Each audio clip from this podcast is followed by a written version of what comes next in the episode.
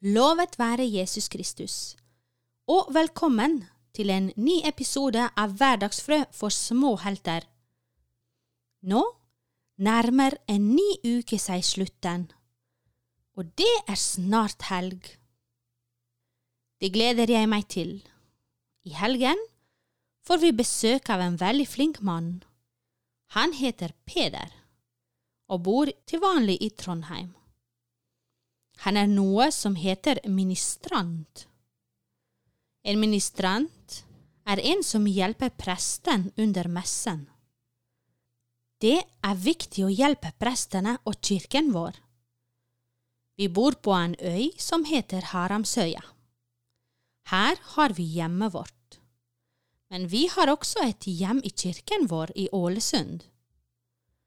Kirken er vårt andre hjem og vi må hjelpe til der, slik som vi hjelper til hjemme også.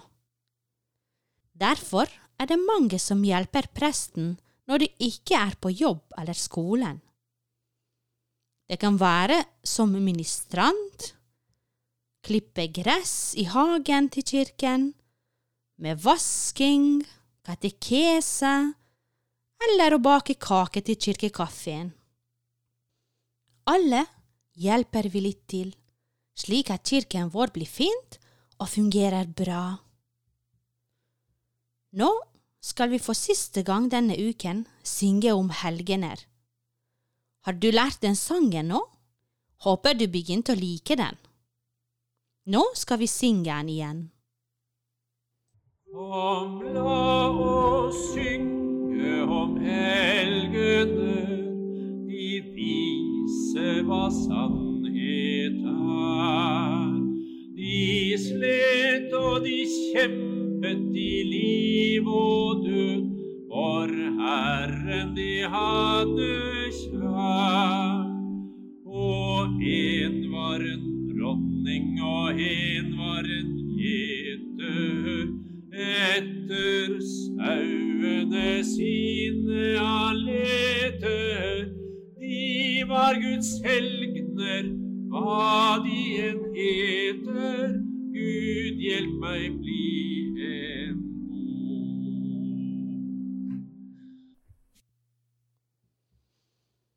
Tusen takk til Amund og Jofri for denne ukens sang. Nå har Camilla laget en ny katekese for oss.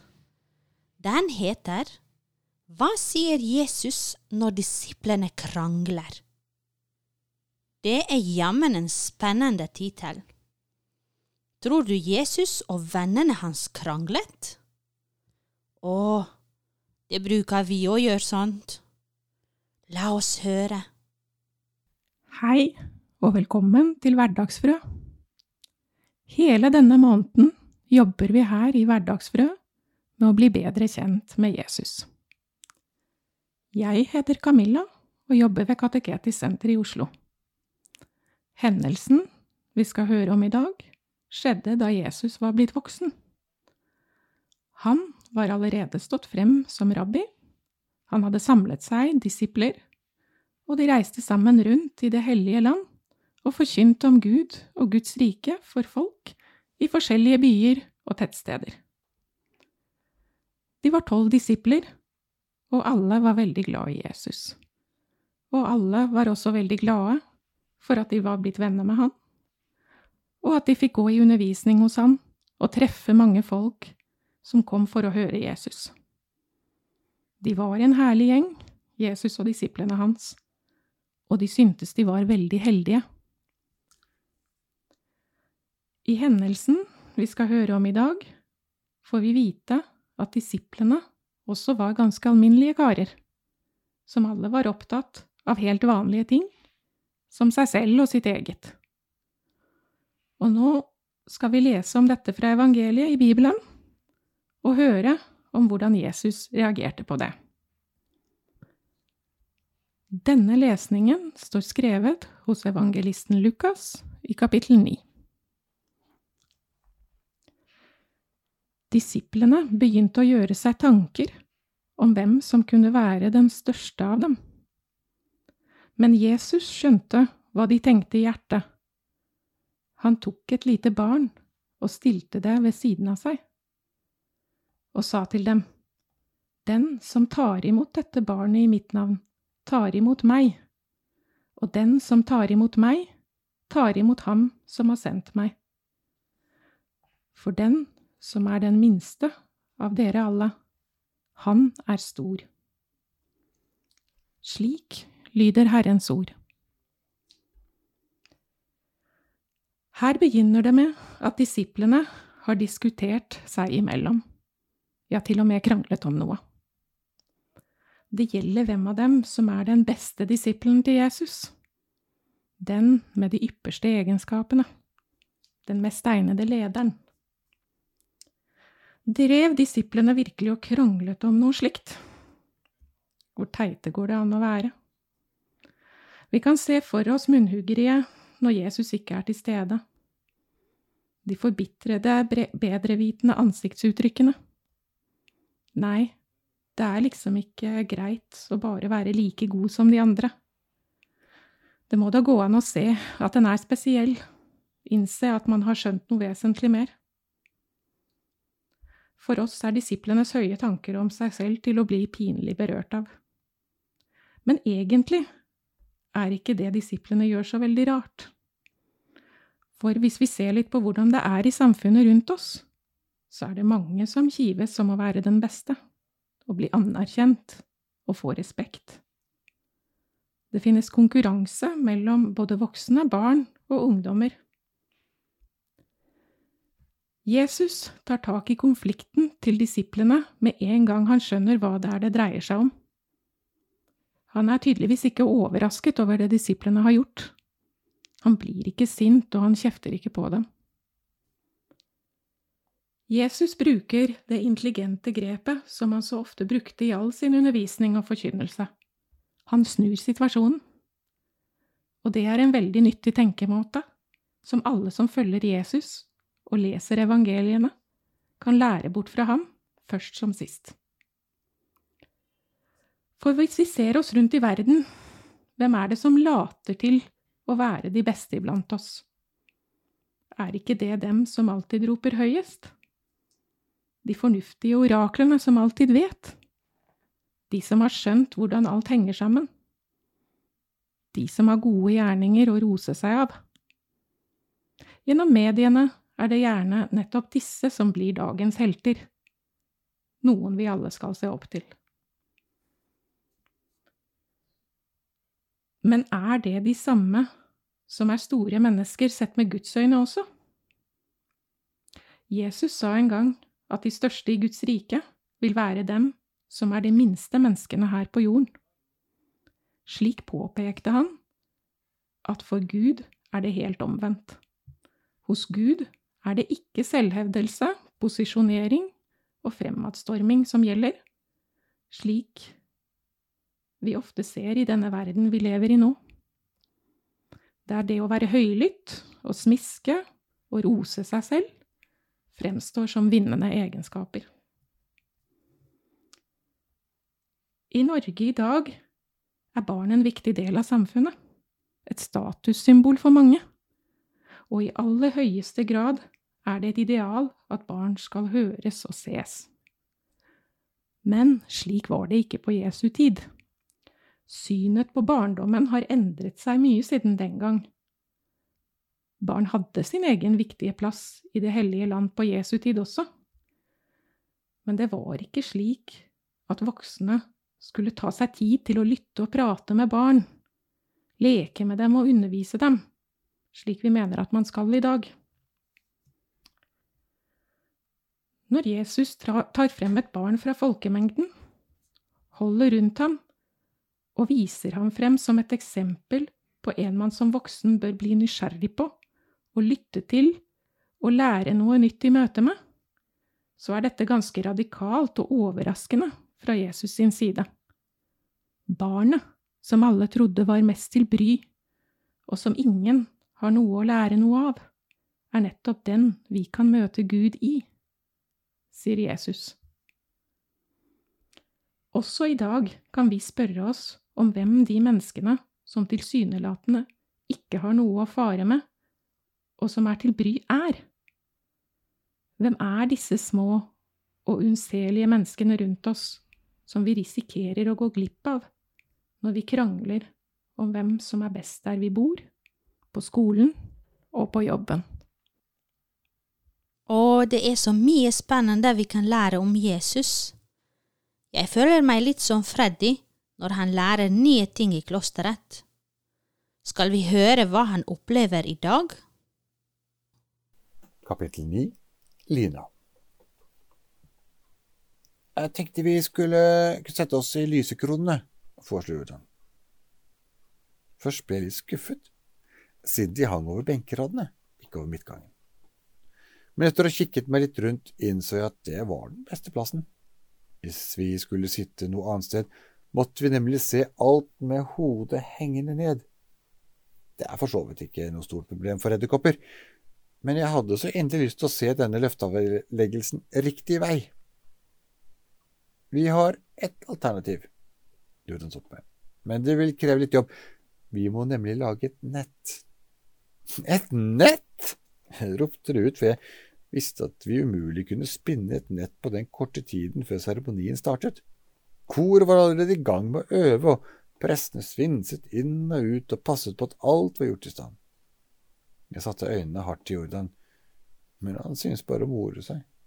Slapp av, Freddy, lo han. Vi lager deg ikke hele nettet. Er du kanskje sulten? Da Jordan så hvor irritert og desperat jeg begynte å bli, tok han på seg en alvorligere mine. Han la hodet på skakke og hvisket. Hør her, vi rekker fint å lage en ramme. Vi legger en line fra den ene lysekrona til den andre. Han pekte mot den andre benkeraden, og over den hang det en lysekrone. Ja, så lager vi én eller to fra taket og ned for å stabilisere lina. Og vips, så kan vi sitte rett over midtgangen og se alt som konger. Jordan var så fornøyd med planen, men jeg er fortsatt skeptisk. Det hørtes ikke spesielt sterkt ut. Tviler virkelig på at det holder. Jeg så for meg hvordan vi begge dinglet over midtgangen og plutselig ramlet ned. Selvsagt er det det, stol på meg, slo Udan fast. Det er bare deg og meg på lina, ikke sant? Og det bør den tåle. Hmm. Jeg nikket skeptisk, og innså at det var verdt et forsøk. Men uh, dersom en flue, begynte jeg. Lenger kom jeg ikke før Jordan avbrøt. Slutt med våset ditt, Freddy! Tror du virkelig det er fluer her, med kjakan rundt omkring? Jordan dyttet lett borti meg. Var ikke han vegetarianer? spurte jeg. Men Jordan var allerede i gang med å spinne den første linen fra taket og ned. Jeg forsto ikke hvorfor han begynte med sikkerhetslinene, men krøp over for å hjelpe ham. Jordan han allerede festet den første lina i taket og fyrte seg forsiktig nedover. Selv festet jeg den andre litt lenger bort og begynte å, fire meg nedover. Vi var snart nede på høyde med lysekronene, men ble hengende i hver vår line fra taket og ned. Hva nå? ropte jeg over til Jordan. Hvordan får vi linene over til lysekronene? Jordan så for første gang litt usikker ut. Det irriterte ham tydeligvis at ideen hans slo feil. Han hang i tråden sin og så rådløs ut. Lysekronene var helt klart for langt unna til at vi kunne nå dem. Plutselig lo Jordan. Og så utrolig dumme vi er, ropte han. Freddy, ser du den lysekronen der borte? Jeg svelget raseriet, for han pekte mot en av de lysekronene vi hele tiden hadde fokusert på. Han lot meg ikke svare. Spring opp lina di, sa han hektisk, og løp over til lysekrona på den siden. Jeg forsto ikke vitsen, men sprang opp lina i full fart, og var snart borte ved lysekronen på Jordans side av rommet. Og hva nå? ropte jeg desperat, for menigheten hadde begynt å åpne salmbøkene. Jeg så at Jordan konsentrerte seg og fokuserte på punktet hvor jeg satt. Så tok han til å spinne og førte linen sin enda litt lenger ned. Fest en line i kro krona, ropte han. Jeg gjorde så godt Jeg gjorde så, og ga tegn til at den var festa godt. Kast deg ut, ropte Jordan enda høyere. Hva mener du, skal jeg kaste meg ut over folkene? brølte jeg rasende. Seremonien begynte hvert øyeblikk. Fatter du ikke at det er så mange bein der nede, at det skal et mirakel til for at ingen tråkker på linen min? Jordan sprutlo. Nei, lille tosk, ropte folk, du skal ikke dra linen over gulvet, bare kast deg ut, slik at du kommer skrått mot linen min, jeg tar imot deg, og så spinner vi de to trådene sammen. Jeg ville ikke få rykte på meg for å være feig, og bet derfor tenna sammen. En usedvanlig dårlig idé, gispet jeg og gikk nærmere kanten. Jeg hadde festet linen i lysekronen og visste at jeg ikke ville falle lenger enn jeg ønsket. Men det var virkelig langt ned, selv for en edderkopp. Jeg lukket øynene, vel vitende om at jeg heller burde se for å treffe linen der Jordan hang. Jeg svelget, åpnet øynene igjen, balanserte ut på kanten.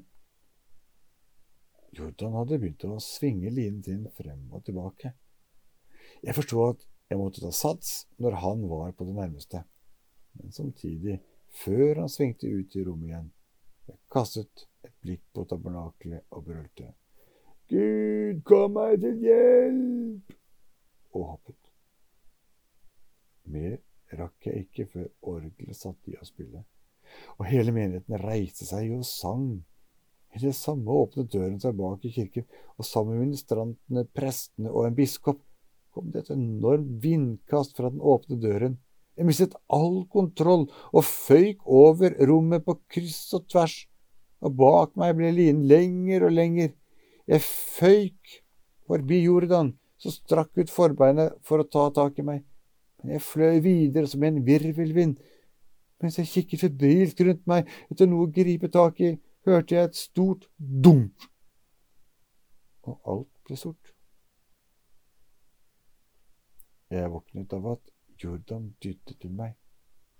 Hva, hva, hva skjedde? hvisket jeg.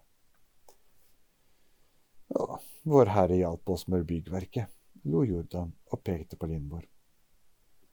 Den strakte seg fra den ene lysekronen til den andre, formet seg en perfekt bue over midtgangen og var festet med to sikkerhetsliner fra taket og ned. Det fantes også en tredje sikkerhetsline, den jeg hadde spunnet tidligere, men denne var ikke festet nå. Jeg rakk ikke å feste den, mumlet Judan. Jeg ville se hvordan det gikk med deg.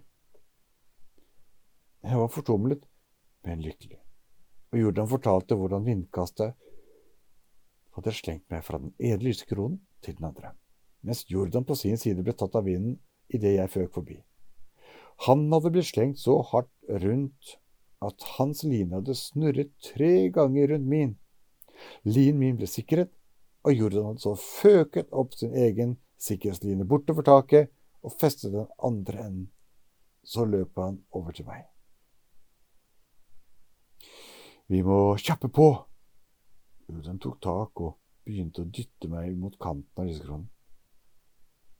I en fei festet jeg linen min til lysekrona, og så løp vi bortover for å kunne se rett over midtgangen. Så satte vi oss som konger.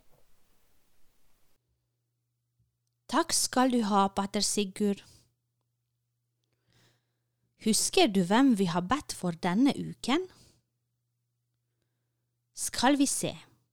Først ba vi for prestene våre, og sist gang for ordensfolkene.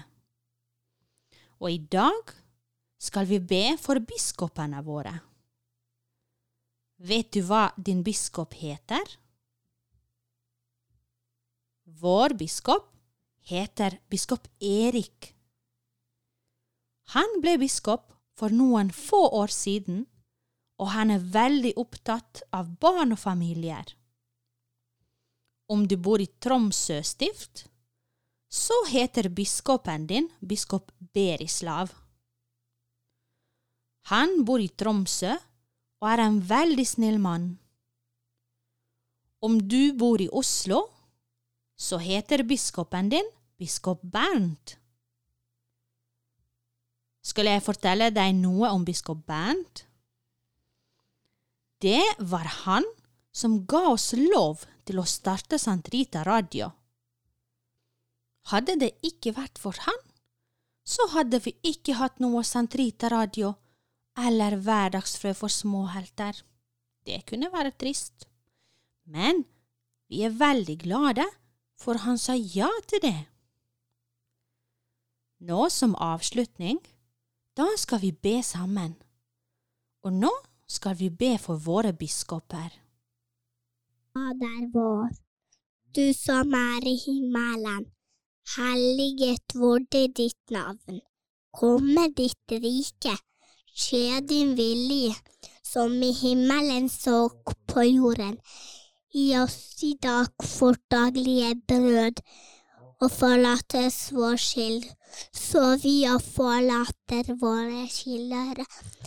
Og led oss ikke inn i fristelse, men fri oss fra det onde. Amen. Takk for denne stunden. Så høres vi snart igjen i neste episode. Følg med, og vær nysgjerrig på Gud, og lær mer om ham. Ha det!